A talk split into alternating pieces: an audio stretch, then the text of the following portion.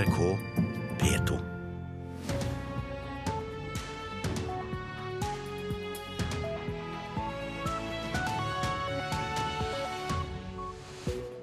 Velkommen til Nyhetsmorgen. Klokka er 6.30. Programleder i dag Anne Jetlund Hansen, og dette er hovedsakene våre. I Missouri i USA er det innført unntakstilstand fordi myndighetene er redde for opptøyer. Barneforsikringer er veldig ulike, og det er vanskelig for folk å få oversikt, mener Forbrukerrådet. Her er det et marked hvor vi har fått veldig stor spredning, og da blir det vanskelig for forbrukere å finne det produktet som passer de best. Og antibiotikaresistente bakterier er et stort problem. Folkehelseinstituttet er straks på plass her i Nyhetsmorgen for å forklare hva som kan bli konsekvensen, og hva vi kan gjøre for å bremse utviklingen. Men aller først denne halvtimen skal vi til USA, for guvernøren i delstaten Missouri har innført unntakstilstand av frykt for nye opptøyer. En storjury skal om kort tid kunngjøre om en hvit politimann som drepte en ubevæpnet svart tenåring i august, skal tiltales. Unntakstilstanden innebærer at soldater fra nasjonalgarden settes i beredskap. Huseieren har gitt beskjed om at alle butikkeiere må dekke vinduene med plater, ellers er vi ikke dekket av forsikringen, sier Antonio, som driver en barbersjappe i Ferguson. Guvernør Jay Nixon erklærte i går unntakstilstand, hvilket innebærer at soldatene i nasjonalgarden settes i beredskap. Nå frykter mange at synet av soldater og pansrede kjøretøy i gatene vil virke som en rød klut dersom storjuryen bestemmer at politimannen ikke blir tiltalt. Men guvernøren forsvarer avgjørelsen. Vold blir ikke tolerert. Boliger og forretninger i området vil bli beskyttet, sa Nixon. Et videoopptak av Darren Wilson fra overvåkingskameraene på politistasjonen gjort i timene etter drapet på Brown, tyder på at Wilson ikke hadde ytre skader i ansiktet, slik advokaten hans tidligere har hevdet. Opptaket ble offentliggjort i går og kan bidra til å svekke politimannens påstand om at han skjøt i selvforsvar etter et basketak med Michael Brown. Groholm, Washington. Obduksjonen av Veronica Heggheim Stegegjerdet viser at hun trolig har druknet, det melder TV 2. Den 22 år gamle kvinnen ble funnet død i fjæresteinene i Barsnesfjorden i Sogndal på fredag, og identifisert to dager senere. Da hun ble funnet, så hadde hun vært savnet i nesten tre uker. Russland er en risiko for sivil luftfart, det sier Natos generalsekretær Jens Stoltenberg til Dagbladet. Russlands president Vladimir Putin bekreftet i går at landet sender militærfly stadig oftere nær Nato-landenes luftrom. Stoltenberg sier at de russiske militærflyene ikke melder fra til sivile fly om hvor de er eller hvor de skal fly. Og han mener også at de russiske flyene har krenket Natos grenser. Det er eh, altfor vanskelig for folk å sammenligne ulike barneforsikringer, det mener Forbrukerrådet. Mens flere andre typer forsikringer er ganske like fra selskap til selskap, så er markedet for barneforsikringer svært uoversiktlig, sier fagsjef Jorge Jensen i Forbrukerrådet. For Det vi ser er at nå er disse barneforsikringene begynt å bli veldig forskjellige. Sammenligner man med andre typer forsikring, så er jo ofte de nokså like, men her er det et marked hvor vi har fått veldig stor spredning. og Da blir det vanskelig for forbrukere å finne det produktet som passer de best. Ifølge Forbrukerrådet har nå om lag halvparten av alle norske barn en eller annen form for barneforsikring tegnet i sitt navn. Mange av disse er billige varianter med forholdsvis liten dekning, men også blant de dyrere produktene er det stor variasjon i dekning, sier Jensen. Ja, altså Det kan jo være hvor mye vekt man legger på sånn type behandlingsforsikring. Det kan også være hvilke sykdommer som er dekka. Noen har bare én sykdom, type kreft, mens andre har et eh, stort titalls eh, sykdommer de dekker. Forbrukerrådet ber nå bransjen foreta en forenkling. bl.a. ta ut sykehusbehandling av produktene. Dette er en dekning som de mener det er lite behov for i Norge. Dette med eh, behandlingsforsikring kunne vi godt ha vært foruten i barneprodukt. En undersøkelse Forbrukerrådet har foretatt viser at de som ikke har tegnet barneforsikringer, mener det offentlige tilbudet er godt nok, eller de oppgir at de ikke har råd til forsikring. Litt overraskende er det kanskje at de som velger å tegne slike forsikringer, heller ikke har mistillit til det offentlige systemet, sier Jensen. Og Det vi ser når vi ber folk om å begrunne hvorfor de tegner barneforsikring, så ser vi at det er veldig mye sånn kjekt å ha-mentalitet. Vi er ikke sikre på om dette er et bevisst valg, men man føler at man må ha det. Forbrukerrådet vil ikke komme med noe klart råd når det gjelder om vi bør tegne barneforsikring eller ikke. Men eh, skal man først ha, bør den ha en viss dekning, sier Jorge Jensen. Det vil alltid være sånn med en forsikring at du har behov for det hvis noe går gærent. Og hvis ting går bra, så har du ikke behov for det. Men eh, hvis du først skal ha en barneforsikring, så må den være såpass god at den kan dekke uførhet eh, for dine barn. Reporter her, det var Tom Ingebrigtsen.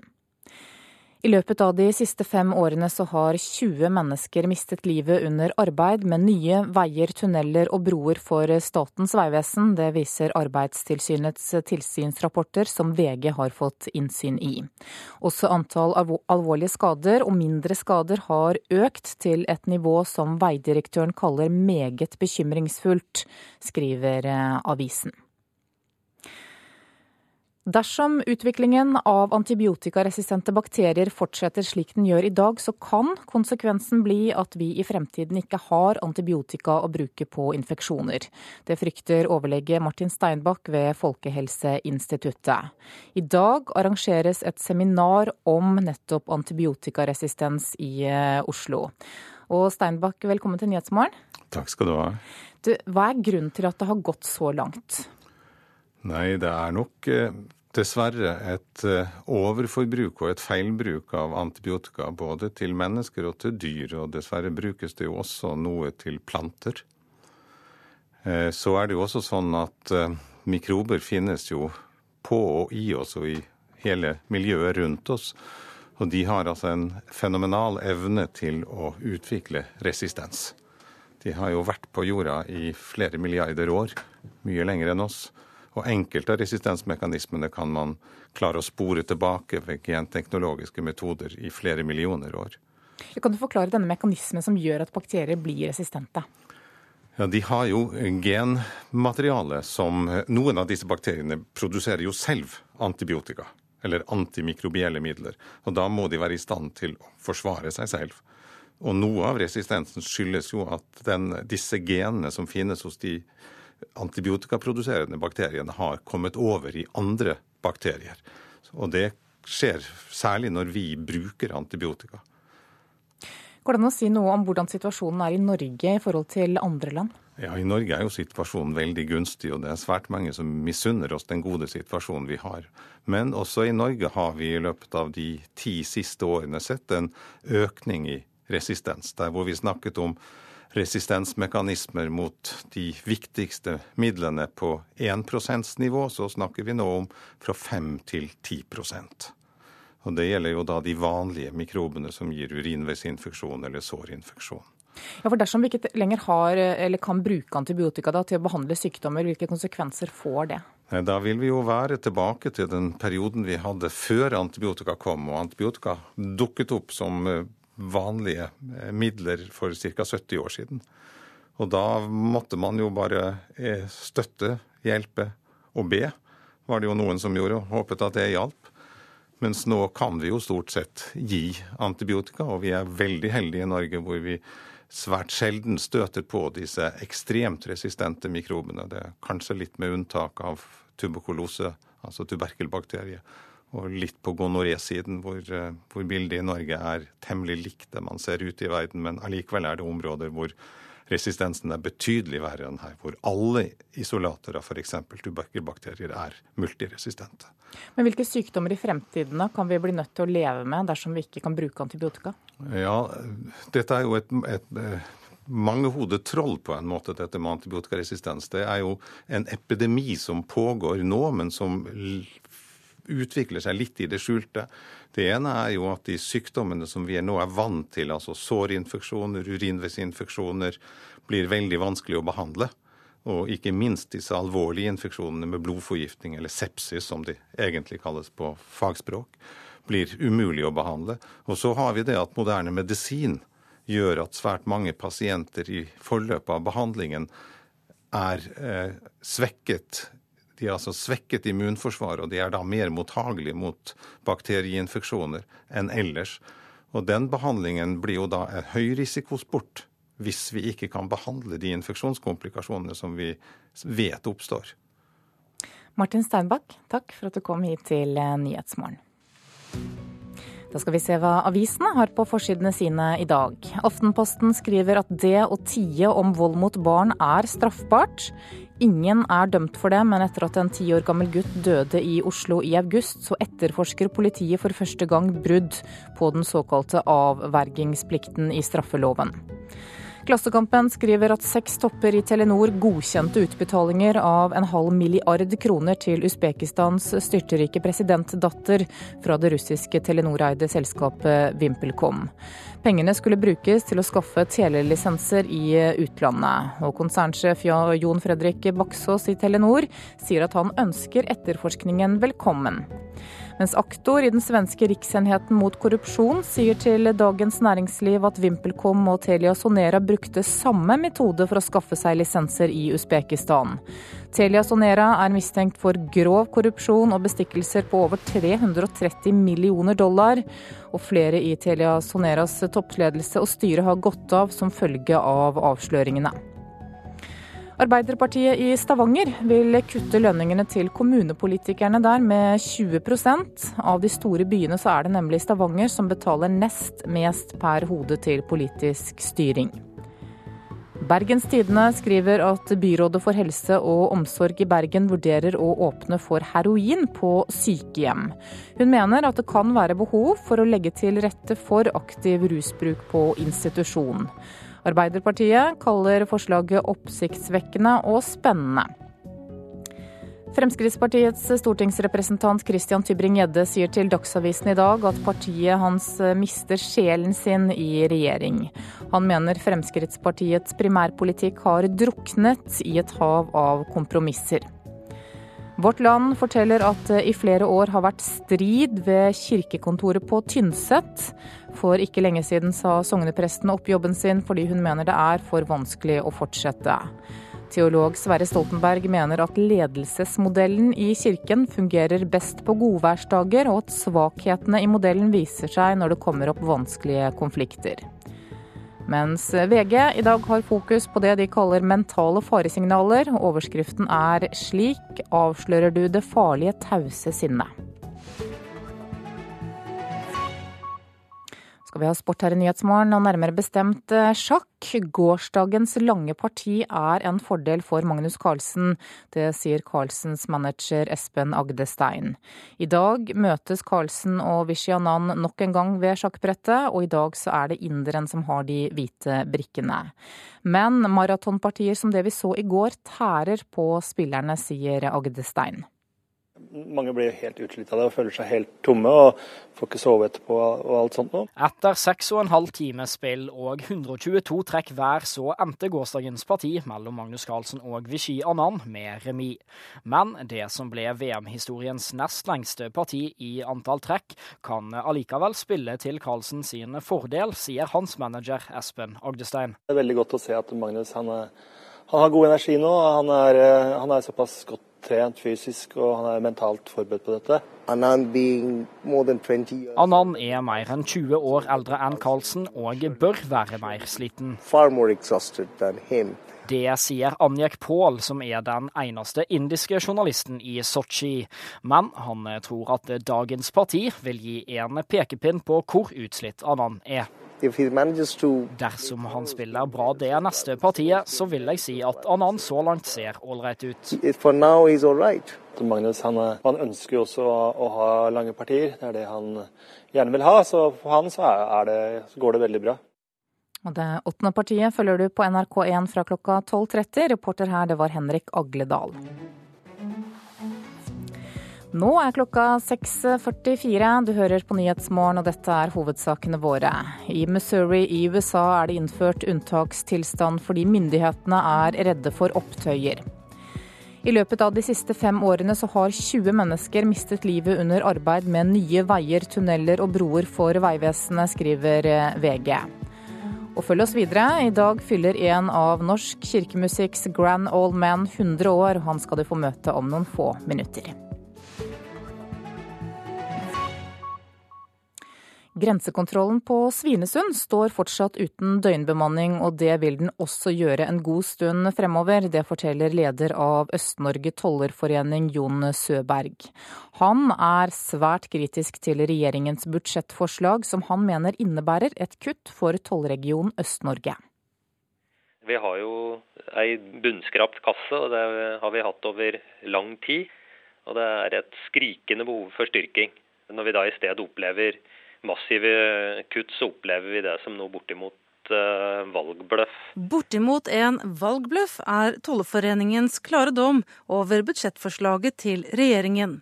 For fremdeles står grensekontrollen på Svinesund ubemannet i flere timer hvert døgn.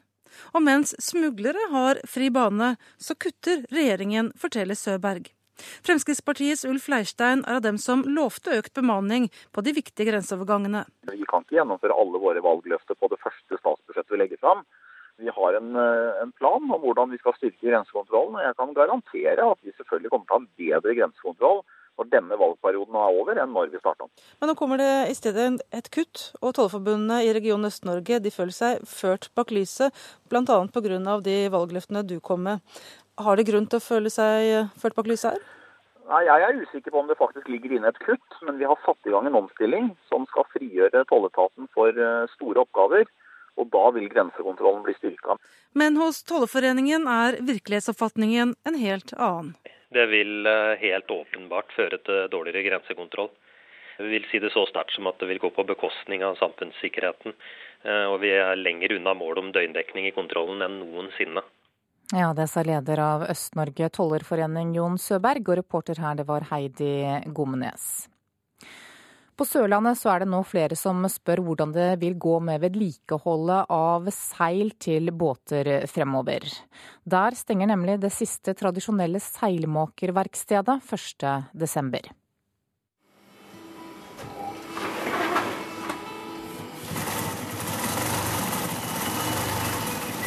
har noen ordentlige maskiner her som eh, egentlig kan sy gjennom hånda di om du vil det. Så holde de unna. Sånn.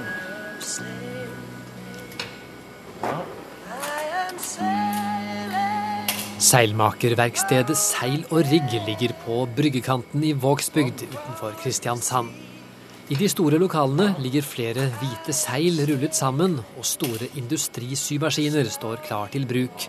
Men nå er det snart kroken på døra for det siste tradisjonelle seilmakerverkstedet på Sørlandet. Nei, Det er eh, pga. Eh, at vi ikke har oppnådd eh, den omsetningen som må til for å klare å holde helårsseilloft i drift, slik som vi har rigget selskapet nå. Er ikke det litt snodig, da? Det er mange som har seilbåt på Sørlandet? Det er noen måneder som er veldig hektisk, og som det er stor etterspørsel. Og så er det ganske mange måneder som det ikke er så mye som skjer. Så vi ender egentlig opp med at den norske sommeren er for kort og vinteren og høsten er for lang? Ja, det er jo det er pluss og minus med det, men i Norge så har vi forskjellige sesonger. Men sånn eh, helårsdrift for seilmakere, så er det utfordrende. Sier daglig leder Petter Berg Jørgensen, som må erkjenne at kroken må på døra fra 1.12. Mikael Henriksen har jobbet som seilmaker i 20 år. Nå får han et stort, hvitt seil på plass på det 250 kvadratmeter store sygulvet, og innrømmer at det blir litt spesielt å måtte slutte. I mitt sted så tror jeg at jeg må se etter eh, noe nytt. Prøve andre ting. Jeg har holdt på med dette i 20 år. Syns det er sykt spennende. Så eh, det er mange muligheter, muligheter innenfor senmagerfaget. Ja, teltmaker? jeg tror kanskje jeg skal legge symaskinen litt på hylla.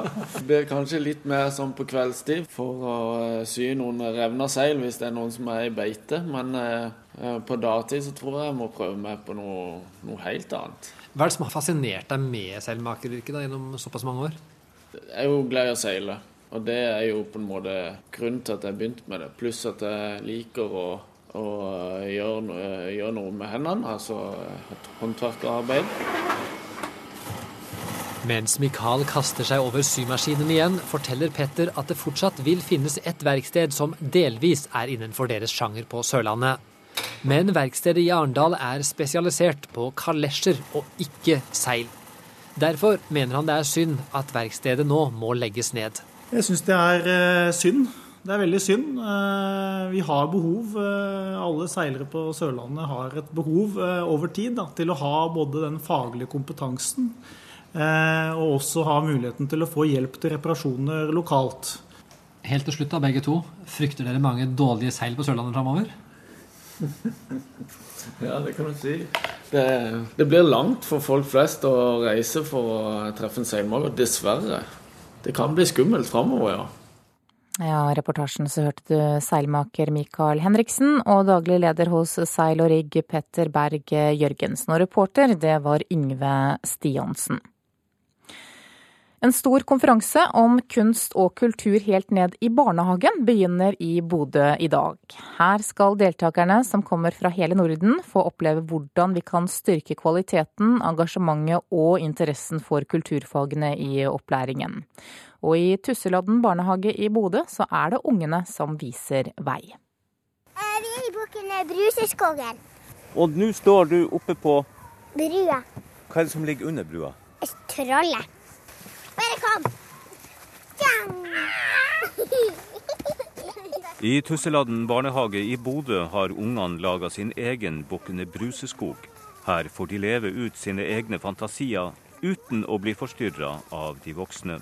I dag skal Eventyrskogen presenteres for 250 deltakere på en stor nordisk konferanse i Bodø, der temaet er hvordan man kan utvikle og styrke kvaliteten for kunst- og kulturfagene i opplæringa. Og Det man eh, helt konkret har gjort, det er jo å bruke nærmiljøet. Hva finnes av kompetanse i nærmiljøet innenfor kunst og kultur i Bodø? Barnehagene har gått inn i et tett samarbeid med Kulturskolen, med Nordland museum, med eh, Kreativ gjenbrukssenter og eh, skolene har også kobla seg til ulike eh, kunstnere og institusjoner som har vært inne og vært med i samarbeid med lærere og styrka denne opplæringa. Det sier Kirsti Saksi, som er leder av Nasjonalt senter for kunst og kultur i opplæringa, og som arrangerer den store konferansen sammen med Bodø kommune, Nordland fylkeskommune og Universitetet i Nordland. Astrid Arnøy, som er leder av Den kulturelle skolesekken i Nordland, understreker betydninga av at barn tas med inn i de voksnes arbeid, og ikke minst at det nasjonale senteret fortsatt skal være i Bodø. Dagens konferanse, nordiske konferanse er et godt eksempel på at et nasjonalt senter eh, for kunst og kultur behøves, og at det har en, eh, en funksjon. F.eks. fra Finland så kommer det en, eh, en, dame som kommer fra Arki, som er et arkitektursenter som driver undervisning i arkitektur for barn fra fire år og hele veien opp de driver også og tar disse barna med fra workshopene sine med arkitekter inn i byplanlegginga i Helsinki. Slike ting kan vi lære ut av, enten vi bor i Bodø eller Oslo eller eh, hvor som helst i verden. Og erfaringene fra Tusseladden barnehage i Bodø er såpass gode at styrer ved barnehagen, Elisabeth Rindal, vil anbefale en eventyrskog til alle andre barnehager i hele Norden. Ungene har faktisk begynt å bruke andre begreper om det å fortelle historier. Eller Før så var det å fortelle eventyr, mens nå så bruker de fortellinger, og de bruker ord som historier. Som da, si, det som vi har da snakka om, har gjenspeila seg til ungene. og Det er kjempeartig å se. Er det noen som bor inni det treet der? Han bor inni treet. Han, het, han, heter Bukne Bruse, men han heter Roger. Ja, reporter her, det var Bjørn Tore Pedersen. I dag så fyller en av norsk kirkemusikks veteraner 100 år. Organist og komponist Leif Solberg debuterte som organist som tolvåring, og er landets eldste nålevende komponist. Men 100-årsdagen kommer litt bardust på jubilanten. Litt overraskende. Jeg hadde ikke tenkt så langt. Og nå er du den eldst levende komponisten vår. Ja, ja, kanskje det. Jeg får finne meg i dem. Han er kjent for sine gode replikker, 100-åringen Leif Solberg, som ellers karakteriseres med et typisk totensk sinnelag. Kommentaren kommer fra kona Reidun, ungjenta fra Kapp Blandakor, som ble hans livs kjærlighet. Jeg treffer dem i det hvite lille huset dems i et villastrøk på Lillehammer. Like i nærheten ligger Lillehammer kirke. Leifs arbeidsplass et helt yrkesliv. Her fikk han jobben som organist allerede som 24-åring. Hei, Tim. Tim Collins, dagens organist, titter fram blant orgelpipene. Altså her er det jeg tenkte å åpne konserten med. Han øver på orgelverkene til jubilanten. Mange store orgelverk. Så for oss organister det er jo Solbergs musikk er vel, veldig viktig og verdt å, verdt å spille. Men musikken hans er blitt spilt for lite, mener Collins. Det er jo litt Han er totning og beskjeden med det. og Det er ikke det man skal liksom fram og gjøre seg kjent som komponist. Da, da nytter det ikke å være beskjeden. Solberg ble så å si født inn i musikken, med en militærmusiker og travel kirkeorganist som far. Han hadde sju kirker å passe på. Og allerede som tolvåring måtte Leif ta hele ansvaret som organist under gudstjenesten da faren ble sjuk. Det måtte jeg hjelpe til. Det var debuten. Så ble det orgeltimer hos Arild Sandvold i Oslo, studier og organisteksamen som 19-åring. Da var han allerede i gang med å komponere, og utover 40- og 50-tallet ble det flere store orgelverk og en symfoni. Men så krevde kirkearbeidet så mye at komponeringa tok slutt. Jeg fikk ikke tid til noen komponeringer. Veldig trist, for jeg, jeg tror det potensialet var der. Han kunne skrevet mye, mye mer. Jeg tror vi hadde gått, gått glipp av veldig mye. En litt vrien ventil hindrer ikke at jubilant Solberg skal feires i Lillehammer denne uka. Men det viktigste for Collins er en ny CD-utgivelse med musikken hans. Det er ikke sikkert det vi gjør nå på Lillehammer blir veldig lagt merke til, eh, men eh, CD-utgivelse i London håper jeg vil føre til at eh, også andre ute i Europa begynner, begynner å høre på Leif Solberg. Ja, reporter her, det var Torunn Myhre. Da skal vi se på et værvarsel som gjelder til midnatt. Fjellet i Sør-Norge kan vente seg for det meste østlig bris i dag. Skyet eller delvis skyet, stort sett oppholdsvær, men i østlige deler av langfjellene mulighet for spredt snø, særlig først på dagen. Østlandet og Telemark nordøstlig bris, til dels frisk bris på kysten. Skyet, spredt regn eller yr særlig fra Mjøsa og sørover. Fra i ettermiddag stort sett opphold og snøgrense omkring 400-500 meter.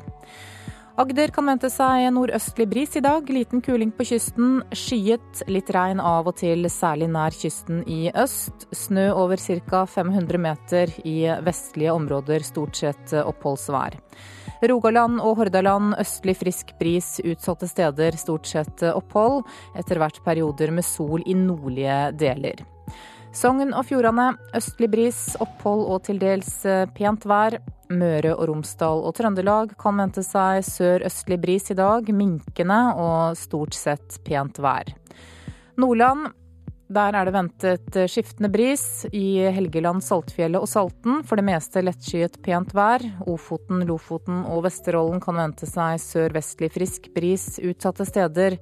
For det meste skyet oppholdsvær, men mulighet for enkelte regnbyger i nordlige deler.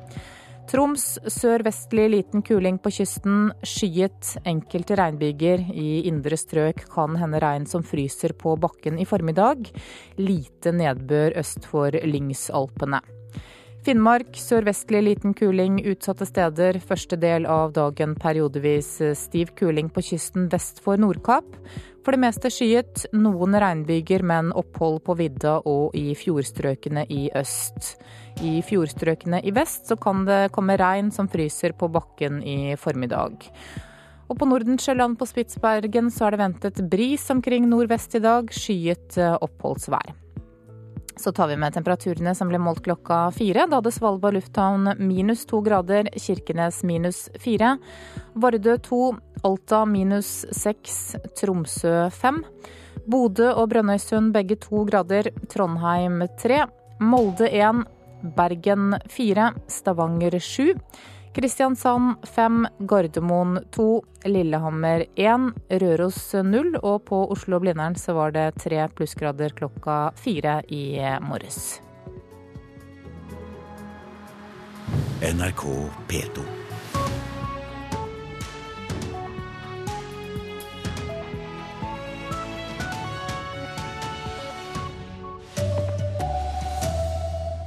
Tre er drept i synagoge i Jerusalem, ble angrepet med kniver og økser. Pasienter med psykiske lidelser og rusproblemer blir skrevet ut for raskt, mener flertallet av kommunene. Her er NRK Dagsnytt klokken sju. Tre personer er drept i et angrep på en synagoge i Jerusalem. Det opplyser helsepersonell. Én eller to personer gikk til angrep med kniver og økster tidlig i morges, ifølge en israelsk radiostasjon. De ble skutt etter kortvarig kamp. Det har vært svært spent mellom israelere og palestinere i Jerusalem de siste ukene, og vi kommer tilbake til denne saken når vi vet mer. Sju av ti norske kommuner sier pasienter med psykiske lidelser som ruser seg, blir skrevet ut fra sykehus og institusjoner for raskt. Det viser en spørreundersøkelse NRK har gjort. Pasienter får ikke den hjelpen de trenger ute i kommunene heller, viser denne undersøkelsen. Psykiater Randi Rosenquist mener for mange sengeplasser i psykiatrien er lagt ned. Omsorgen for disse pasientene må legges på helseforetaknivå med de rettssikkerhetsgarantier og den kompetanse som man forutsetter å legge der. Omsorgen kan ikke desentraliseres 440 kommuner. Det sa psykiater Randi Rosenquist. For å styrke sikkerheten til de ansatte ønsker Nav jevnlig informasjon om brukere som kan være farlige, fra politiet, fengselsvesenet og helsevesenet. Bakgrunnen er drapet på en 34 år gammel kvinnelig Nav-ansatt på Grorud i Oslo i august i fjor, skriver Dagsavisen. Hun ble knivstukket av en 26 år gammel klient. Det er eh, altfor vanskelig for folk å sammenligne barneforsikringer, det mener Forbrukerrådet, som i dag arrangerer en konferanse om eh, temaet. Mens flere andre typer forsikringer er ganske like fra selskap til selskap, er markedet for barneforsikringer eh, uoversiktlig, sier fagsjef Jorge Jensen i Forbrukerrådet. For Det vi ser er at nå er disse barneforsikringene begynt å bli veldig forskjellige. Sammenligner man med andre typer forsikring, så er jo ofte de nokså like, men her er det et marked hvor vi har fått veldig stor spredning. og Da blir det vanskelig for forbrukere å finne det produktet som passer de best. Det sa fagsjef Jørg Jensen i Forbrukerrådet. Rekordmange barn i USA, 2,5 millioner, er hjemløse. Det viser en ny studie fra det amerikanske forskningsinstituttet AIR. Mange fattige og mangel på boliger er blant årsakene, melder nyhetsbyrået AFP.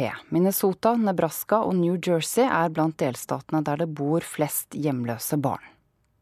NRK Dagsnytt, Ida Creed. Klokka er 7.03 og Nyhetsmorgen fortsetter med disse sakene. Psykiatriske pasienter som ruser seg blir skrevet ut for tidlig. Det mener sju av ti kommuner. Miljøbevegelsen krangler om effekten av karbonfangst som klimatiltak. Og i Missouri i USA så er det innført unntakstilstand fordi myndighetene er redde for opptøyer. Pasienter med psykiske lidelser som ruser seg, blir, blir, skrevet ut fra sykehus og institusjoner for raskt. Det svarer sju av ti norske kommuner i en spørreundersøkelse som NRK har gjort. Pasientene får ikke den hjelpen de trenger ute i kommunene heller, viser undersøkelsen. Psykiater Randi Rosenkvist mener at nedleggelsen av sengeplasser i psykiatrien har gått altfor langt omsorgen for disse pasientene må legges på helseforetaknivå med de rettssikkerhetsgarantier og den kompetanse som man forutsetter å legge der. 240 store og små kommuner over hele landet har svart på NRKs undersøkelse om psykiatriske pasienter som ruser seg. Kommunene har de siste åra overtatt ansvaret for mange av dem som tidligere bodde på institusjoner. Men ifølge spørreundersøkelsen får ikke pasientene den hjelpen de trenger i kommunene. En kommune svarer. Spesialisthelsetjenesten anser pasienten for ferdigbehandlet, og forventer at en bolig tilsvarer rammer og trygghet som på lukket avdeling. En annen sier Utskrivning skjer for raskt, uten god nok utredning. Yngre psykiatere tror at det er nødt til å være sånn. Og det er jo ikke noe rart at de tror det, for det at deres ledere har hele tiden sagt du må skrive ut, du må skrive ut, du må skrive ut. Og de har aldri sett psykiatrien mens den fungerte med en lengrevarig omsorg, hvor folk faktisk kunne få så god hjelp at de sto på egne ben når de ble skrevet ut. Sier psykiater Randi Rosenquist. Sju av ti kommuner opplever at pasienter skrives ut fra behandling for raskt. Pasientene er for syke til å klare seg selv i lokalmiljøet, sier ordfører i Giske kommune, Knut Støbakk. Det er mange som er for syke ute i kommunen, som burde fått et sånt tilbud. For at de da kunne få en sjanse til å bli friske. Så du mener at de hører hjemme i psykiatrien, mange av disse? Ja, det er ikke tvil i heller det. Flertallet av kommunene svarer også at de får for lite hjelp fra psykiatere og spesialister til å følge opp pasientene etter behandling. Resultatet nye psykoser og mer rus. Mental Helses landsleder Dagfinn Bjørgen krever at pasientene får bedre behandling. Man skriver ut eh, bare fordi at man har medisinert. Og det påstår vi er absolutt ikke det man behøver her. Her behøver man mye mer. Man er nødt til å ha over tid få lov til å være i eh, institusjon en periode, men også ha en tett oppfølging i ganske lang tid etter at man blir skrevet ut. Og reporter her, det var Anne Marte Moland. Avdelingsdirektør Tone Marie Nybø Solheim i kommunenes organisasjon KS, velkommen. Takk. Vi snakker altså her om de aller sykeste psykisk syke pasientene, og et stort flertall av kommunene sier at de får dem hjem for tidlig, og at de mangler tilbud til dem, og at de ikke får nok hjelp fra spesialistene til å ta vare på dem. Hvordan reagerer du på det? Ja, dette er jo eh, problemstillinger som kommunene har meldt til oss eh, tidligere. Eh, de kan føle seg veldig alene om det ansvaret de har når de mest alvorlig syke med, med kanskje en tilleggsproblematikk med atferdsvansker skrives ut. Det er, det, er det er, vanskelig, å finne de gode tilbudene til de mest sårbare som vi har av innbyggerne våre. Men hvem har ansvaret for at eh, disse pasientene kommer hjem eh, der det er altså et manglende tilbud? Det er jo et ansvar eh, hos spesialisthelsetjenesten å være sikker på at pasienten er i stand til å bo ute i kommunen, og at det er et godt samarbeid mellom kommune og sykehus i forkant, sånn at det er tid nok og kompetanse nok ute i kommunen til å bygge opp et godt tilbud. Unnskyld, men hva kan kommunene gjøre selv, da? Kommunene har, tar jo hånd om mye, mange store oppgaver. Eh, og dette er kanskje en av de vanskeligste oppgavene de, de har. Eh, fordi at det er, er, Disse pasientene er ikke alvorlig syke hele veien. De har en varierende sykdom. Eh, og det er, må tilpasses den enkelte pasient, det tilbudet som bygges opp i kommunen. Sånn at det er helt avhengig av at det er et godt samarbeid mellom spesialisthelsetjeneste og kommune, og at det legges opp til samtidige tjenester og et felles ansvar når pasienten kommer ut. Men Burde det vært en slags mellomstasjon for de pasientene dette gjelder? Det kan godt være. Det må, vi, det må, vi, diskutere. og Mange kommuner bygger jo opp interkommunalt samarbeid rundt eh, botilbud eh, for mange eh, pasienter. Fordi at de ser at de sammen kan både ha ressurser og kompetanse nok til å løse det på den måten. Noen kommuner får det til. Hva er oppskriften for å lykkes? Ja, KS har fått gjort en FoU nå i høst, og der ser vi at de som får det til å lykkes som lykkes, de får til et forpliktende, godt samarbeid mellom kommunene og spesialisthelsetjeneste. Der kommer spesialisthelsetjenesten ut i kommunen der pasienten bor, der pasienten lever sitt dagligliv, og er sammen med kommunen om ytetjenester, yte tjenester. Og tar, kommunen opplever at spesialisthelsetjenesten tar et medansvar for pasientene. Hva kan dere i KS gjøre da for å hjelpe kommunene? Ja, KS prøver å se på hva rammebetingelser må være eh, til stede for at kommunen skal løse den oppgaven. Vi har læringsnettverk i forhold til denne eh, problematikken, hvor kommunene seg imellom både deler erfaringer og får kompetanse på hva er suksessfaktoren og hva er det, tiltak er det som virker her. Tone Marie Nybø Solheim, takk for at du kom hit til Nyhetsmorgen. Like skal vi høre at Miljøstiftelsen Bellona vil at hele den norske miljøbevegelsen skal fronte karbonfangst og -lagring som klimatiltak. Karbonfangst er et bidrag for å bremse global oppvarming ved å fange karbondioksid fra f.eks. kraftverk og lagre det i stedet for å slippe det ut i atmosfæren. Nei takk, sier Greenpeace. Useriøst, mener Bellonas faglige leder Fredrik Hauge. FNs klimapanel er ekstremt klare på at CO2-fangst og -lagring er en teknologi som vi ikke kommer unna. Den må tas i bruk.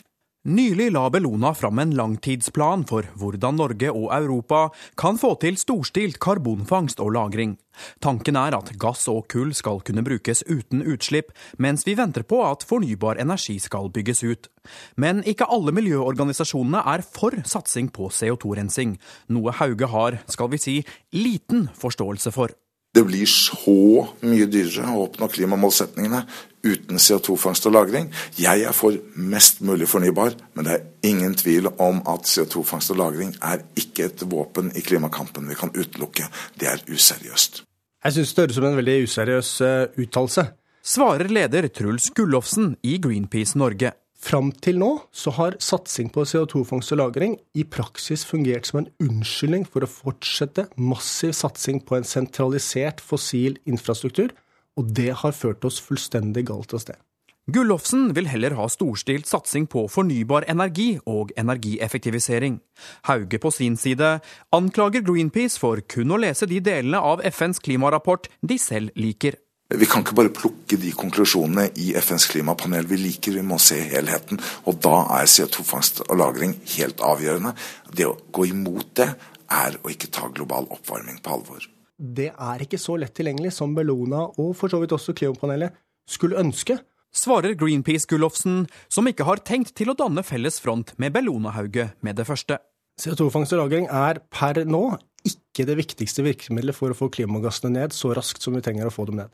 Så det var et nei? Det var et nei. Reporter her, det var Halvard eh, Norum. Tina Bru, du er petroleumspolitisk talsperson for eh, Høyre. Vi hørte altså at det er delte meninger blant miljøorganisasjonene. Hvem er du enig med her, Bellona eller Greenpeace? Nei, akkurat her så er jeg veldig veldig enig med Bellona. Og jeg syns at dette er et kjempeinitiativ som de tar, og et viktig budskap de bringer videre. Fordi vi vet at uh, verden kommer til å trenge masse mer energi i fremtiden. Altså Frem mot 2035 så kommer vi til å øke med 14% i behovet på verdensbasis. Vi vet at 64% av dette kommer til å være fossil energi. Hvis ikke vi får på plass renseteknologi, så kommer ikke verden til å kunne nå målet om å holde seg under to graders oppvarming. Derfor trenger vi den teknologien, og det er veldig bra at Bellona sier det.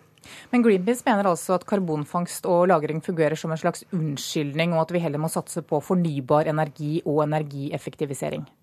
Jeg mener at det ikke er noen motsetning. Altså, som jeg sier, så kommer verden til å trenge så mye mer eh, energi at vi kommer til å trenge alt vi kan få til for, på fornybar. Vi kommer til å trenge masse på energieffektivisering, men vi kommer også til å trenge en del av de fossile energikildene. Og Spørsmålet er da vil vi at de skal brukes eh, uten å bli rensa, eller vil vi at de skal brukes med rensing, rensing, sånn at vi har en mulighet til å nå våre klimamål. Hva gjør eh, regjeringa konkret da med karbonfangst og -lagring? Dette er jo veldig viktig for, eh, for regjeringen. og I statsbudsjettet som, eh, som, kom nå, så har vi lansert en strategi på hvordan man skal jobbe videre med CCS i Norge og internasjonalt.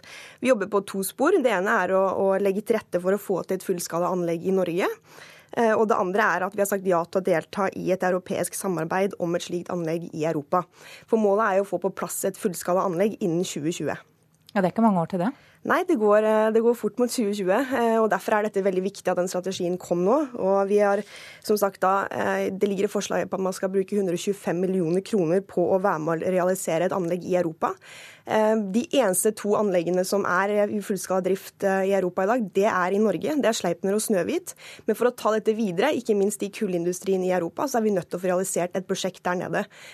Og her kan Norge spille en rolle og være med med midler for å få til at man får på plass et anlegg. Så hører vi altså at Greenpeace og Bellona er uenige om denne teknologien er lett tilgjengelig eller ikke. Hva er status? Altså, Teknologien er tilgjengelig. Eh, nå har det akkurat åpnet et svært anlegg i Canada, i Boundary Dam, eh, som er det første av sitt slag. Så teknologien er der, men den er fortsatt, fortsatt veldig dyr og veldig vanskelig å få på plass. Eh, derfor må måte, denne strategien som Norge har òg, og det vi gjør med CCS, det må bidra til at kostnadene på teknologien blir lavere, og at den blir mer tilgjengelig og kan spres. Det måte, må være hovedmålet, og det er det man må jobbe etter. fordi Hvis ikke prisen kommer ned, så vil man heller ikke få til å få det på plass. Tina Bru, takk for at du kom hit til Nyhetsmorgen. Klokka er 7.15 nå, du hører også på Nyhetsmorgen. Unnskyld, dette er hovedsakene våre. Psykiatriske pasienter som ruser seg blir skrevet ut for tidlig. Det mener et flertall av kommunene. Tre mennesker er drept i en synagoge i Jerusalem. De ble angrepet med kniver og øks, og ni er såret. Og Grensekontrollen på Svinestund står fortsatt uten døgnbemanning. Fremskrittspartiet lover at de har en plan for å bedre situasjonen.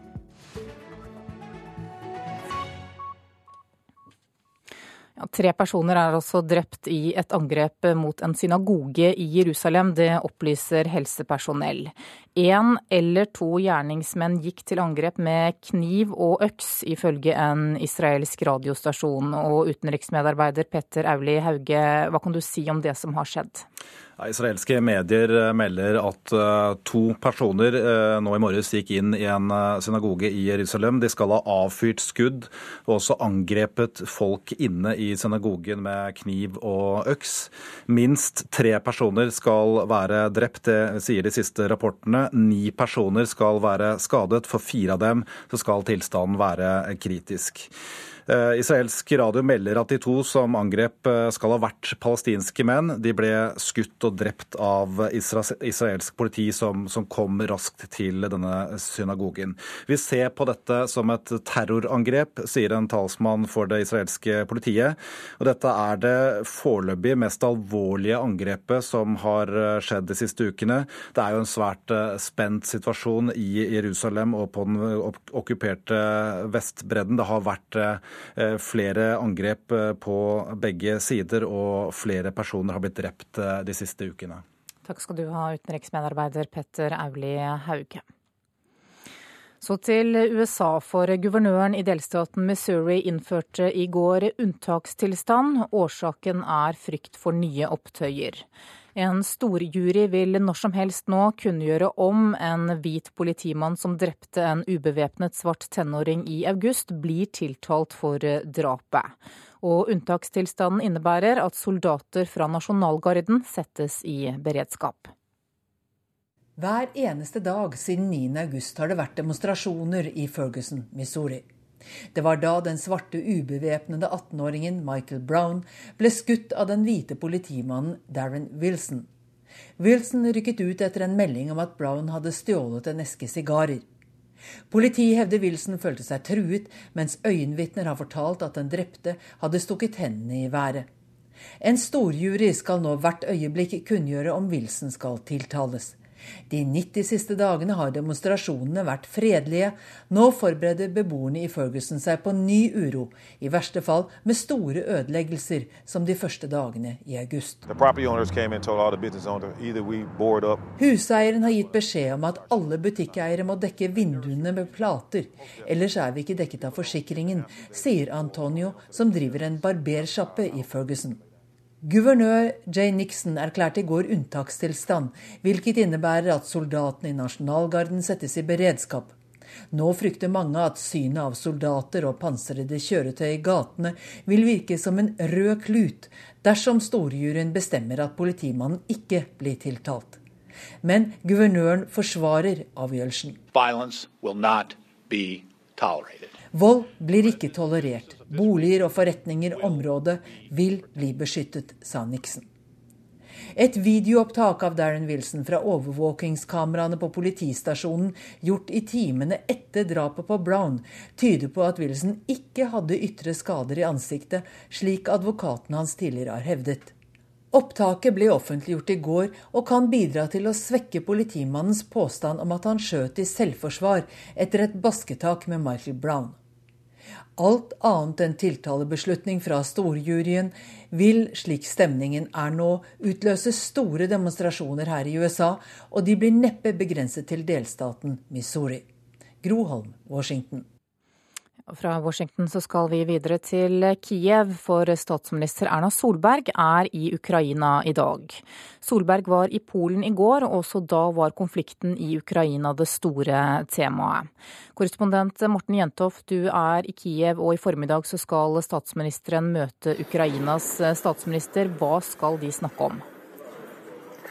Eh, ja, de skal jo først Selvfølgelig om den akutte politiske situasjonen som er her nede akkurat nå. altså Med en krig mellom regjeringsstyrken og separatistene øst i, i landet. Men eh, det viktigste sett med, med, med, norske øyne er jo at man går rett og slett inn eh, i denne konflikten med en omfattende økonomisk støttepakke til den ukrainske regjeringen. I form av direkte eh, budsjettstøtte da, til, eh, til, den ukrainske regjeringens budsjett. I tillegg til det går man inn med store pengesummer på forskjellige deler av eh, i samfunnsmaskineriet her. Blant annet eh, den juridiske sektoren, som jo eh, trenger en omfattende sanering etter tiår med, med korrupsjon og, og vanstyre. Sånn at det er betydelige pengesummer som Erna Solberg har med seg hit til, til Kiev i dag. Og så skal Erna Solberg undertegne bilaterale avtaler mellom Norge og Ukraina. Hva slags avtaler er det snakk om? Ja, Det er jo nettopp da disse avtalene som går på uh, å støtte uh, Ukraina uh, økonomisk og gå direkte inn bl.a.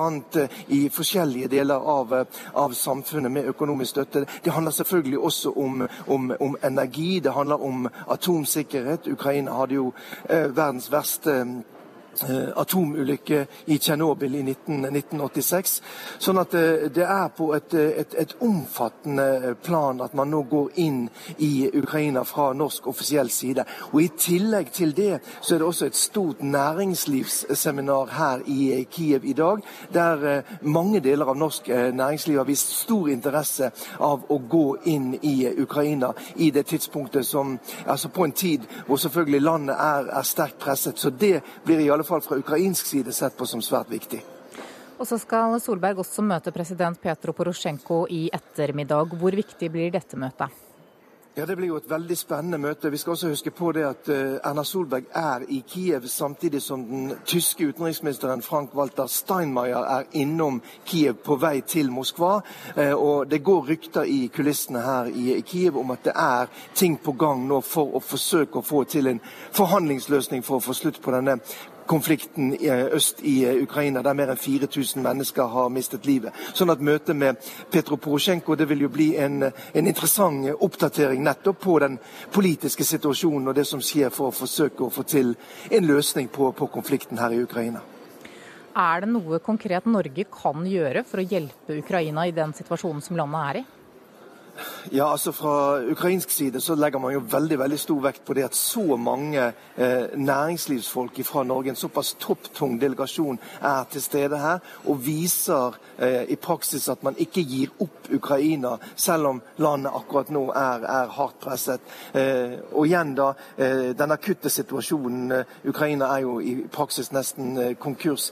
At man går inn med økonomisk støtte, direkte budsjettstøtte til, til landet. Det blir også sett på som som svært viktig. Og Jeg fikk høre her i dag at eh, man faktisk har lagt opp eh, besøket til den tyske utenriksministeren etter det besøket som man har eh, fra Norge, altså fra Erna Solberg. Og Det forteller jo litt om hvor stor vekt man fra ukrainsk side legger på at Norge og den norske statsministeren er her i dag.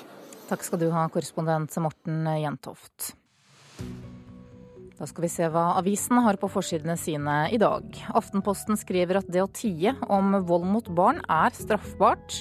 Ingen er dømt for det, men etter at en ti år gammel gutt døde i Oslo i august, så etterforsker politiet for første gang brudd på den såkalte avvergingsplikten i straffeloven.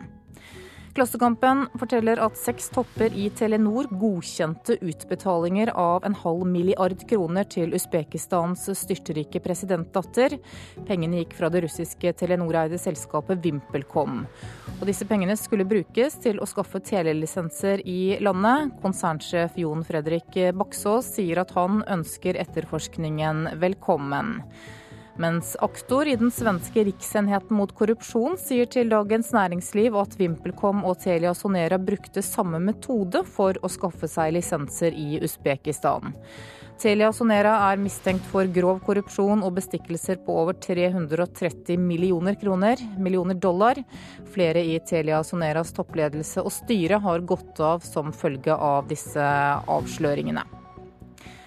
Advarer mot livsfarlig Putin er overskriften i eh, Dagbladet i dag. Natos generalsekretær Jens Stoltenberg mener at russiske militærfly har krenket Natos grenser, og at Russland er en risiko for sivil luftfart.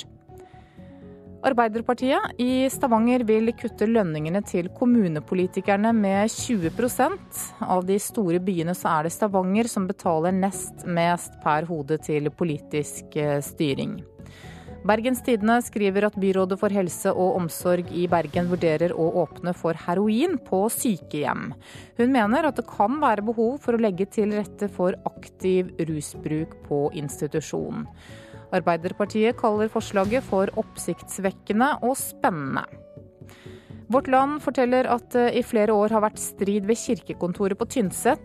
For ikke lenge siden sa sognepresten opp jobben sin fordi hun mener det er for vanskelig å fortsette. Teolog Sverre Stoltenberg mener at ledelsesmodellen i kirken fungerer best på godværsdager, og at svakhetene i modellen viser seg når det kommer opp eh, vanskelige konflikter.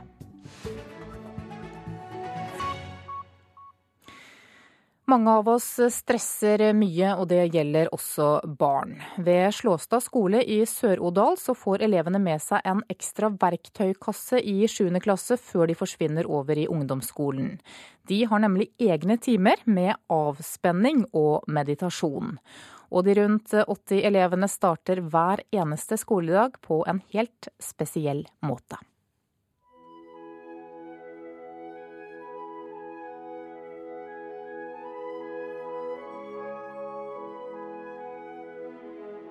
Da har vi massasje. Det gjelder eh, alle trinnene her på skolen. Eh, og da setter vi på morgenstemning med Grieg, og så masserer elevene hverandre. Det er en teori om at eh, den du er snill mot, den behandler du pent. Så at, berøring skal være noe positivt. Og så er det å få en litt slik mjuk start om morgenen.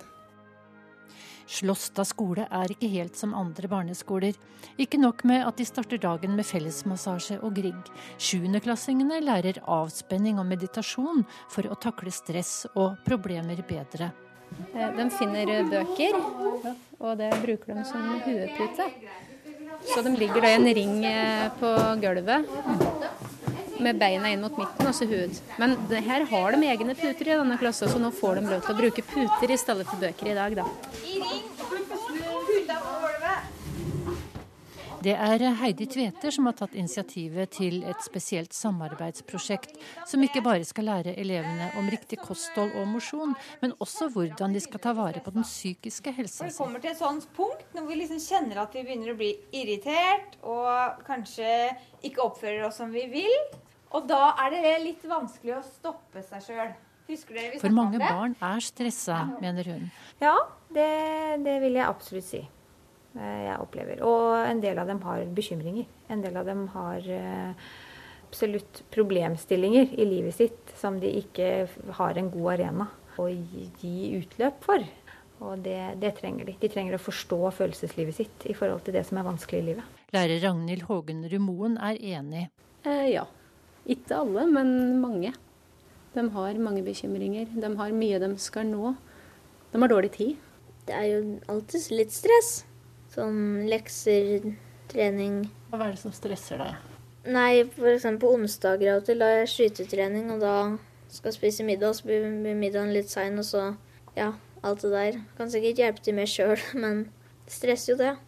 Jeg har jo masse å gjøre til vanlig. Og sånn som eh, han Håvard sier, det, er, eh, det blir litt stressende da man skal på f.eks. trening, og så er middagen eh, sen. Og da blir det ganske stressende. Sier Håvard Broch og Jannit Veflen Neskvern. For litt siden så lå de i det mørke klasserommet i ring på gulvet sammen med ti andre, beina mot hverandre, avslappa og med dyp pust. I begynnelsen så var det litt rart. Ja, det var litt rart, men uh, det var jo ikke noe veldig fælt, liksom. Det var jo mest godt. Det var, um, som du sa, veldig avslappende.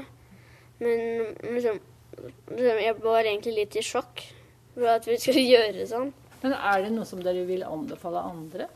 Ja, helt klart. Og reporter på Slåstad skole i Sør-Odal, det var Vera Wold. Du lytter til Nyhetsmorgen. Klokka nærmer seg 7.30 og Dagsnytt. I reportasjen etter det så skal du få bli med på opera i Nairobi. Produsent for Nyhetsmorgen i dag heter Kari Bekken Larsen, og her i studio Anne Jetlund Hansen.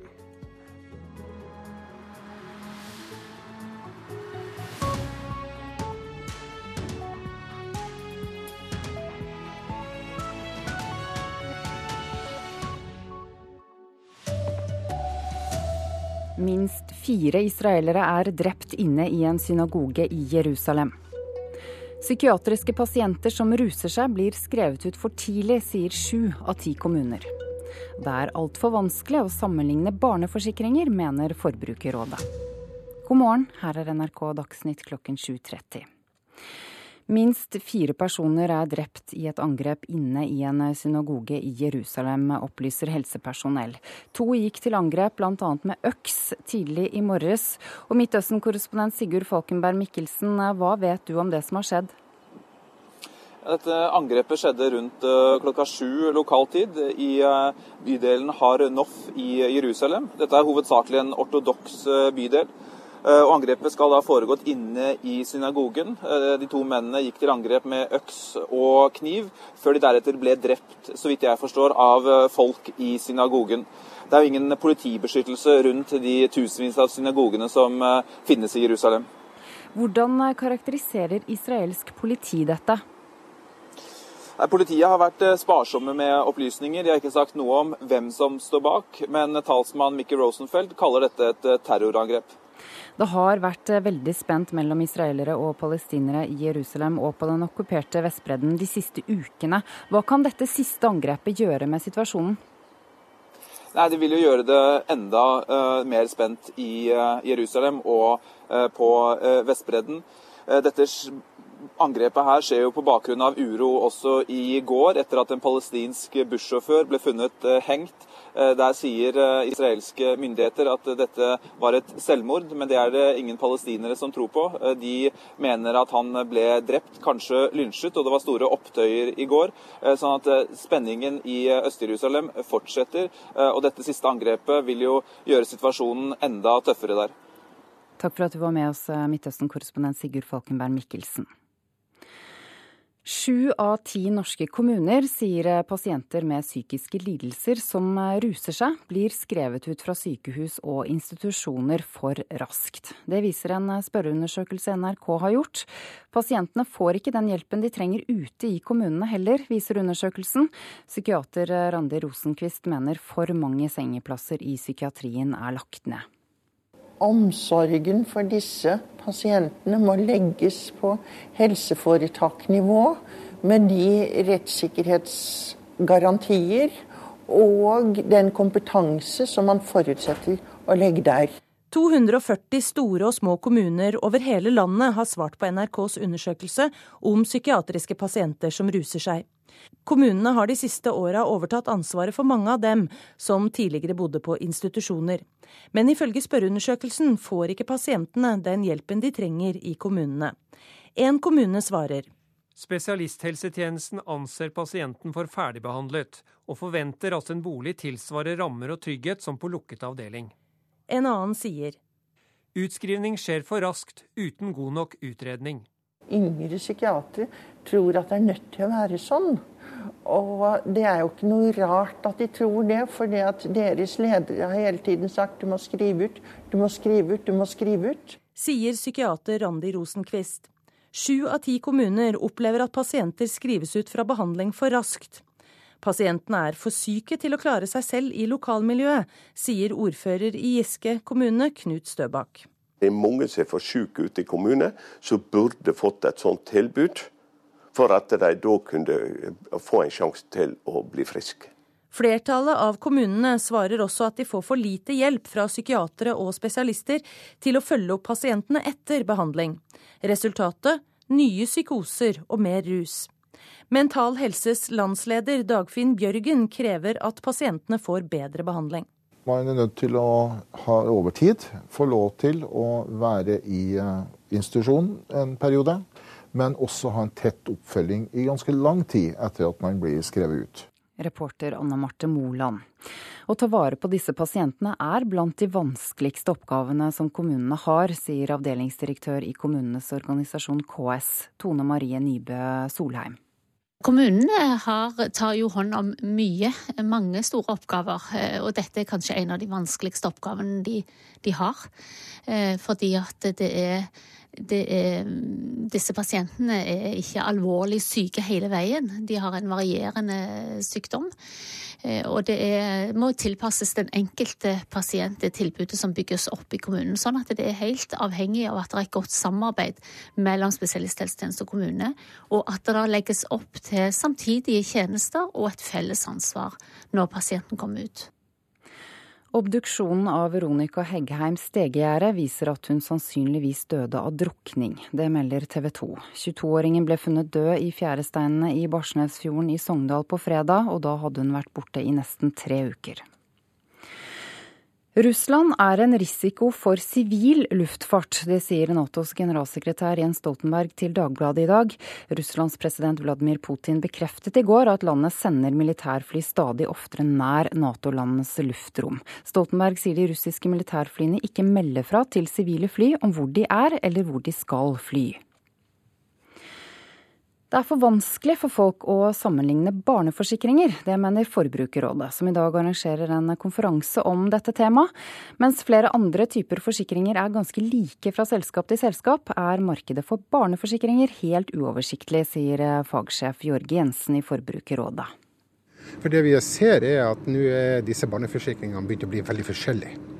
Sammenligner man med andre typer forsikring, så er jo ofte de nokså like, men her er det et marked hvor vi har fått veldig stor spredning. og Da blir det vanskelig for forbrukere å finne det produktet som passer de best. Ifølge Forbrukerrådet har nå om lag halvparten av alle norske barn en eller annen form for barneforsikring tegnet i sitt navn. Mange av disse er billige varianter med forholdsvis liten dekning, men også blant de dyrere produktene er det stor variasjon i dekning, sier Jensen. Ja, altså Det kan jo være hvor mye vekt man legger på sånn type behandlingsforsikring. Det kan også være hvilke sykdommer som er dekka. Noen har bare én sykdom, type kreft, mens andre har et eh, stort eh, titalls eh, sykdommer de dekker. Forbrukerrådet ber nå bransjen foreta en forenkling, bl.a. ta ut sykehusbehandling av produktene. Dette er en dekning som de mener det er lite behov for i Norge. Dette med eh, behandlingsforsikring kunne vi godt ha vært foruten i barneprodukt. Forbrukerrådet vil ikke komme med noe klart råd når det gjelder om vi bør tegne barneforsikring eller ikke. Det vil alltid være sånn med en forsikring at du har behov for det hvis noe går gærent. Og hvis ting går bra, så har du ikke behov for det. Men eh, hvis du først skal ha en barneforsikring, så må den være såpass god at den kan dekke uførhet eh, for dine barn. Reporter Tom Ingebrigtsen. Miljøstiftelsen Bellona og Greenpeace krangler om hvorvidt eh, CO2-rensing av gass- og kullkraftverk er et viktig miljøtiltak. Bellona mener det er det, og ber miljøbevegelsen stå samlet om dette. Nei, svarer Greenpeace. Det mener Bellona-leder Fredrik Hauge er useriøst. Det blir så mye dyrere å oppnå klimamålsetningene uten CO2-fangst og -lagring. Jeg er for mest mulig fornybar, men det er ingen tvil om at CO2-fangst og -lagring er ikke et våpen i klimakampen vi kan utelukke. Det er useriøst. Jeg syns det høres ut som en veldig useriøs eh, uttalelse. Svarer leder Truls Gullofsen i Greenpeace Norge. Vi er skeptiske til CO2-fangst og -lagring. Vi tror ikke det er den teknologien som kommer til å løse klimaproblemet. Men vi vil selvfølgelig gjerne se det i bruk dersom det hadde virket i stor skala. Men det gjør det ikke i dag, og det er problemet. Reporter Halvard Norum. I dag holder kulturkomiteen på Stortinget en åpen høring om oppheving av bokseforbudet. Der skal, skal, flere leger og nevrologer snakke om risikoen ved boksing. Frank Robert Hvalstad snakker for Bokseforbundet.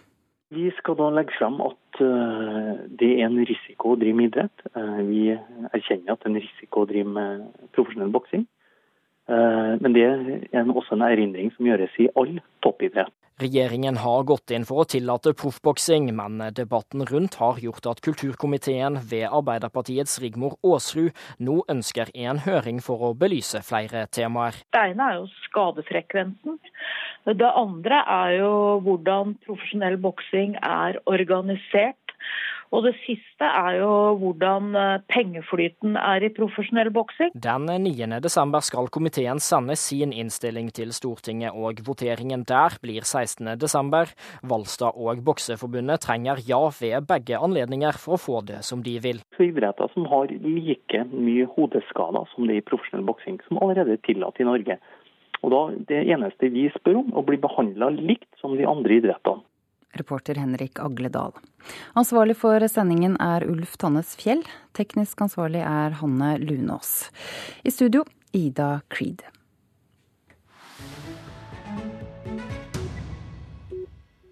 Klokka er 7.40 eh, og Nyhetsmorgen fortsetter. Forestillingen Don Giovanni settes nå opp i Kenya, der forestillingen om den legendariske skjørtejegeren har en helt spesiell klangbunn. Afrikakorrespondent Kristine Presthun dro på opera i Nairobi. Can you smell that? Ah, I know that smell. I smell a woman. Come, let's go and find her. What a nose!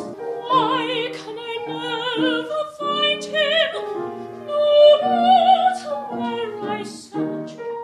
Donna Elvira er sønderknust over å ha blitt sviktet av Don Giovanni, og synger ut sin sorg.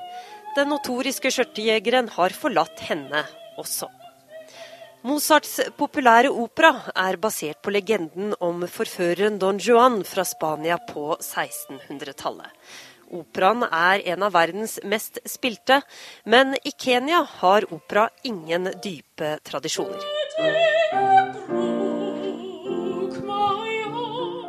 På Mutaiga Country Club i Nairobi er scenen enkel. Grønne trær er tegnet på papplater. Orkesteret består av ett piano. Men på scenen står et internasjonalt ensemble med folk fra Tyskland, Italia og USA.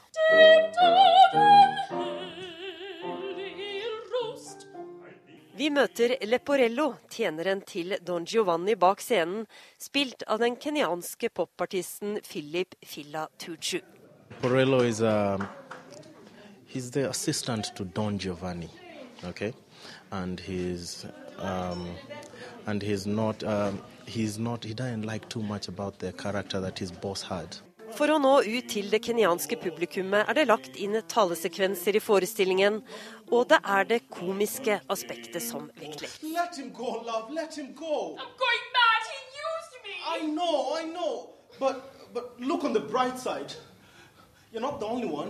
I know. But, but look on the bright side. You're not the only one. Manuset er også endret. We edit the text a bit to suit the Kenyan audience. Like when I'm doing my Madomina aria, I'm not talking about the places that would have been done when it was written in Italian. I'm talking about Nairobi. I'm talking about in Nairobi he's had this number of women. In Nakuru he's had this number of women. So you see, it really connects with the Kenyan audience and makes it very funny. 90 Machakos, 400 in Mombasa. But in Nairobi This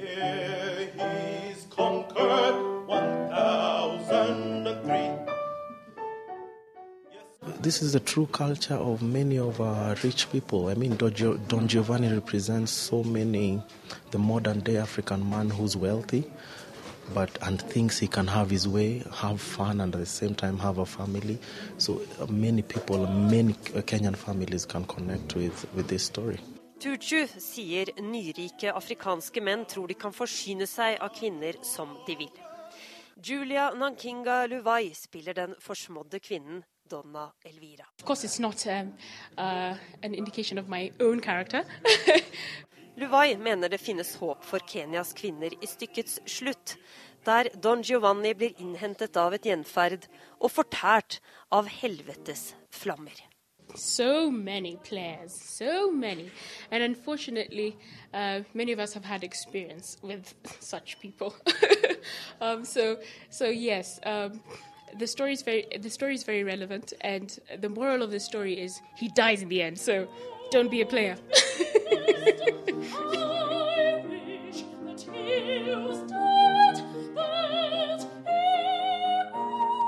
Reporter her, det var vår Afrikakorrespondent Kristine Presttun. Klokka er 7.44 nå. Du hører på Nyhetsmorgen, og dette er hovedsakene våre. Minst fire israelere er drept inne i en synagoge i Jerusalem. To gjerningsmenn gikk til angrep med kniver og økser, ifølge en israelsk radiostasjon. Pasienter med psykiske lidelser som ruser seg, blir skrevet ut fra sykehus og institusjoner for raskt. Det sier sju av ti kommuner. Og i Missouri i USA så er det innført unntakstilstand fordi myndighetene er redde for nye opptøyer etter drapet på en tenåring i august. Klokka nærmer seg 7.45, og du skal få Politisk kvarter med programleder Cecilie Roang Bostad.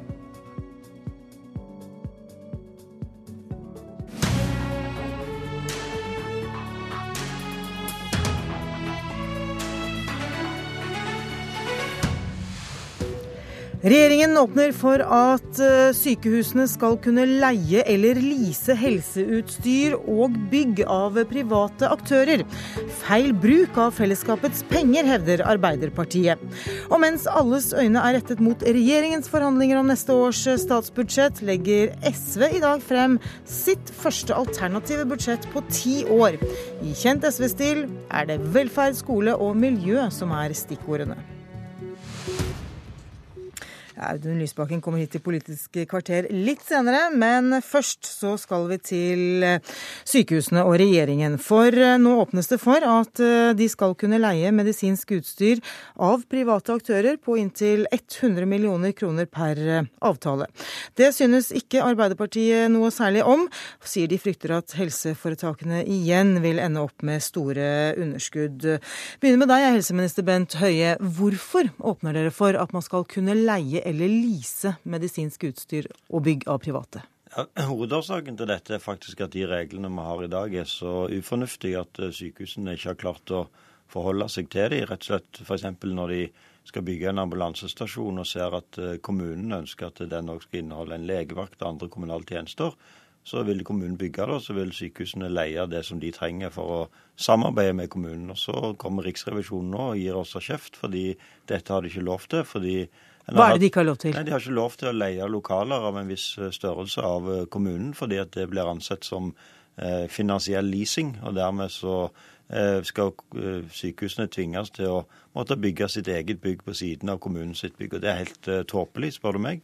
og Derfor endrer vi regelverket. Men så mener jeg òg at det er fornuftig at de som er ledere lokalt, sammen med de som jobber med pasienten, og hvis de ser at her har vi en flaskehals, den bør vi løse raskt. Her kan vi inngå en, for en leieavtale på noen medisinsk-teknisk utstyr som en trenger, så syns jeg at det er en mulighet, en fleksibilitet, som de skal ha. Men de skal selvfølgelig for, eh, ikke... tenke fornuftig og klokt om hvordan de bruker pengene. Ja, Vil ikke dette fort kunne bli dyrt med å leie noe til en eh, veldig dyr rente? Ja, Det varierer jo. Eh, noen ganger så kan det være lurt å leie et utstyr fra en, en leverandør som sier at hvis vi leier dette utstyret, så er vi sikre at vi har en kvalitet eh, over eh, mange år.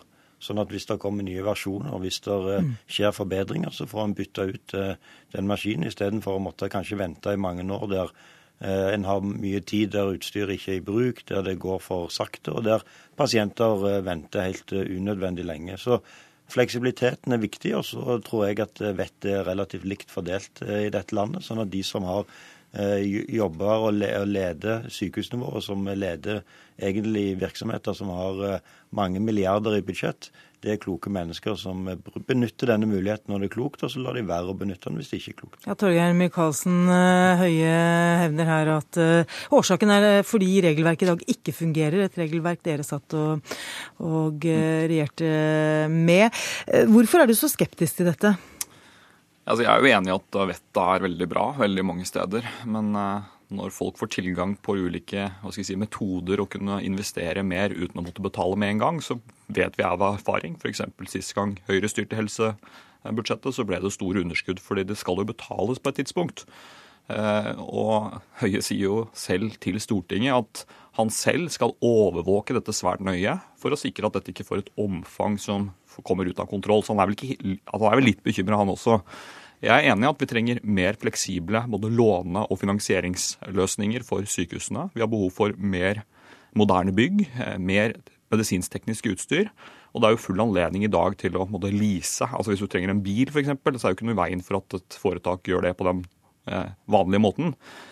Men hvis vi er sikre på at dette er noe vi skal ha over lang tid, så er det ikke noen god idé i et land som har ja, Hva bør man gjøre da? 5000-6000 milliarder kroner på bok, og åpne for at sykehus og andre skal da lease dette til en dyrere rente enn det de kunne fått i Norges Bank.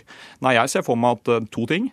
Det ene er at sykehusbudsjettet til Høie må jekkes kraftig opp. Jeg har store forhåpninger til KrF og Venstre for det. Selv i Arbeiderpartiet kommer vi til å foreslå et milliardløft for sykehusene utover det Høie har lagt opp til, fordi regningene må betales.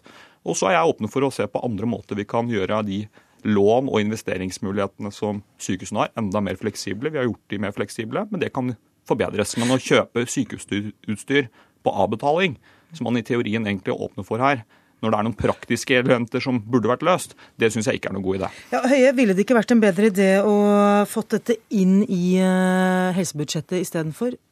Nei, Det hadde ikke løst uh, det som er det grunnleggende problemet, nemlig at uh, sykehusene ikke engang kan samarbeide med kommuner på dette området i dag og bygge bygg. Og de reglene som var under forrige regjering, de var jo så vanskelig at, eh, og så rigid at nå har jeg fått en riksrevisjonsrapport som eh, jo slår fast at sykehusene ikke klarte å følge reglene. og Forrige helseminister ikke klart å passe på heller at sykehusene fulgte disse reglene. Det var rett og slett for reglene var ufornuftige. Eh, og Det andre er jo at det er jo ikke nødvendigvis bare et altså En ser veldig isolert seg på at det er liksom et utstyr en kjøper. Det en kjøper, er jo i realiteten en funksjon. En kjøper en MR-maskin for å kunne ta MR-undersøkelser. Og det er jo sånn at selv om en kunne ha lånt de pengene av staten, så ville jo ikke det ha sikra at en hadde den samme kvaliteten på det utstyret over tid. Og det vi ser, er at eh, ofte så velger en da å, å strekke utstyret så lenge som mulig. Det skaper eh, problemer. Det gir at en har mindre effektivt utstyr enn det en kunne hatt. Det er kostbart, mens dagens regler er så rigide at det legger til rette for å velge ufornuftige løsninger så mener jeg at i de aller fleste tilfellene skal en kjøpe utstyr som en skal ha, eie det sjøl og betale det sjøl. Men i noen tilfeller så er det fornuftig òg å leie en funksjon og si at uh, det er dette nivået vi skal ha det på. Dette er så viktig for må, vår virksomhet. Men jeg må bare høre først, for Det er 100 millioner per avtale, men det er ingen, eh, ikke noe tak på antall avtaler. Betyr det at helseforetakene kan inngå så mange avtaler de vil? I utgangspunktet så kan de det, men dette er jo, dette er jo virksomheter som er som vi eier og har full kontroll med. og Det betyr at hvis vi ser at det plutselig Så du er ikke redd for store underskudd? Hvis det er et sykehus her som skeier ut, og som liksom eh, havne, er i ferd med å havne i luksusfellen, så skal jeg nok gripe, gripe, gripe, inn, gripe inn før det. at, eh, men jeg tror ikke det kommer til å bli et problem. Dette er fornuftige ja. folk som, eh, som, vurderer dette. De vet at de skal betale regningen. Men Høie, du skjønner at det er ikke, det er ikke, sy, det er ikke sykehusene jeg er urolig for, som er grunnen til at de skal havne i den luksusfellen som du beskriver. Problemet er at vi hadde hatt en valgkamp der alle partiene har bydd over hverandre i hva slags forventninger vi skal ha til sykehusene. og Det skjedde mye bra på vår vakt i åtte år, men det er fortsatt veldig mange uløste oppgaver. Det jeg er redd for, er at det budsjettet du har lagt fram, det er for svakt. Det er det ikke bare jeg som sier, det er det Legeforeningen, Sykepleierforbundet, pasientorganisasjonene. Men det har jo ingenting med disse avtalene å gjøre. Jo, det har jo selvfølgelig noe med de avtalene å gjøre, fordi at disse avtalene skal jo betales. Det er jo derfor vi konkurrerer om å si vi skal ha bedre bygg, mer utstyr. Da må penga på bordet. Høyere har dessverre bort penga på andre ting. Pengene er på bordet. I mitt budsjett har jeg foreslått en vekst til sykehusene på to milliarder kroner. Så det, det er veldig bra ender opp med etter at forhandlingene er i boks. Takk for at dere to kom i studio.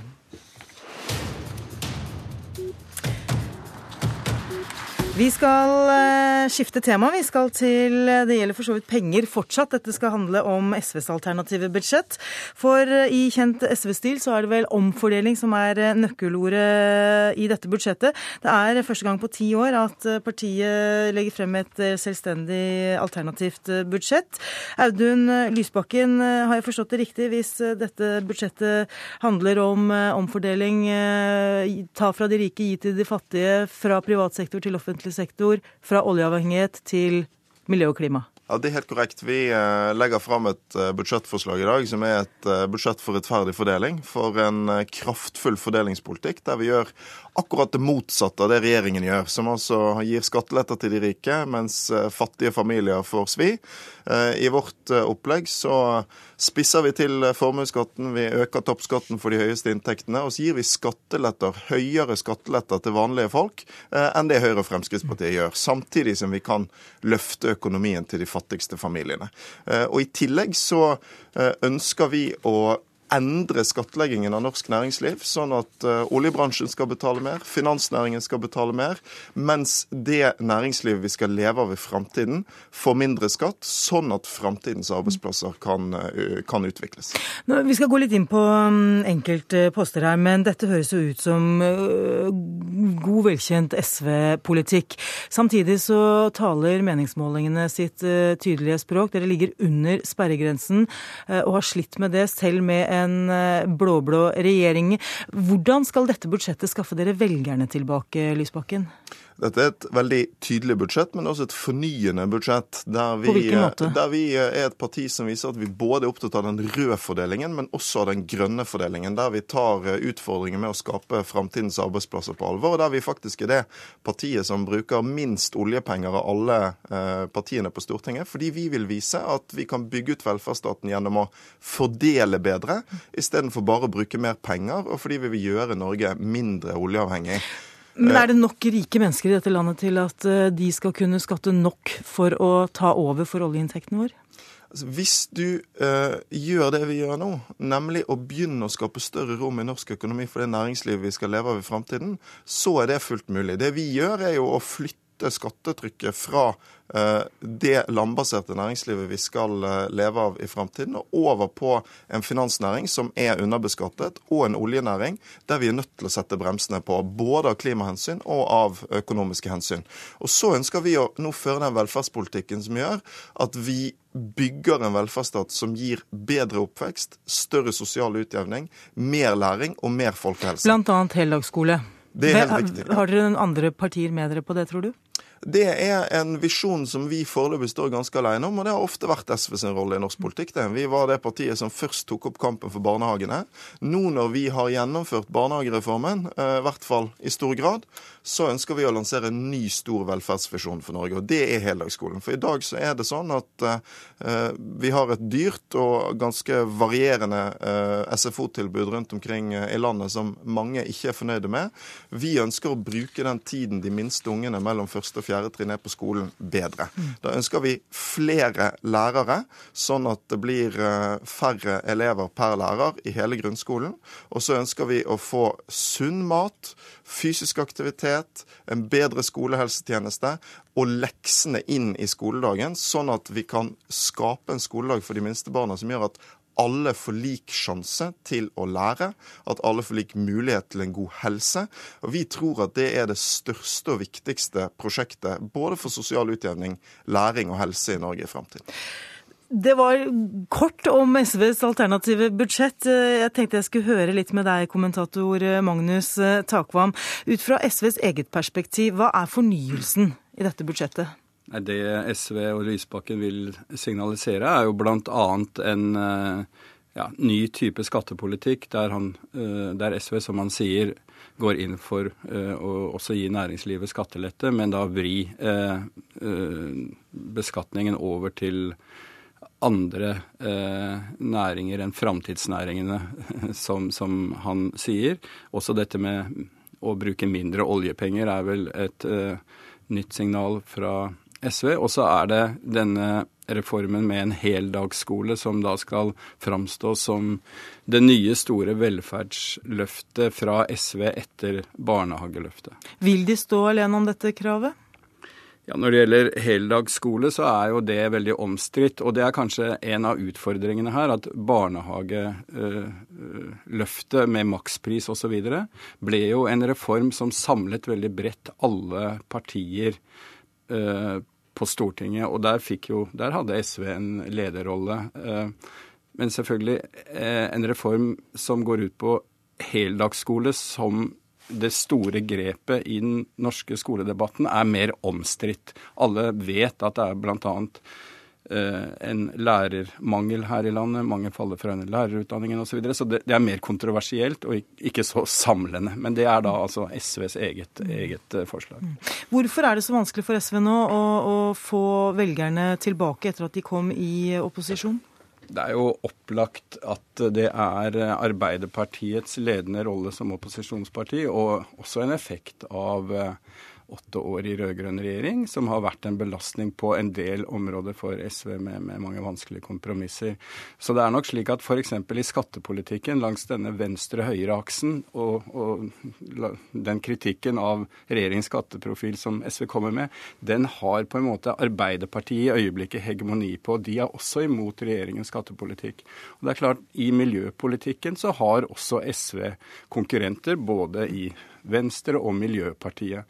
Slik at i kjernesaker så er det ikke entydig SV velgerne Men går til. Men med dette budsjettet, tror du noen kommer tilbake? Det er vel et første skritt, og det er et forsøk fra SV å tenke langsiktig og fornye politikken sin, som de selvfølgelig er nødt til. Mm.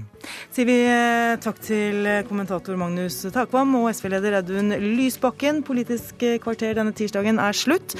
Regjeringsforhandlingene om årets statsbudsjett fortsetter klokken tolv. I studio i dag Cecilie Roang Bostad. Hør flere podkaster på nrk.no podkast.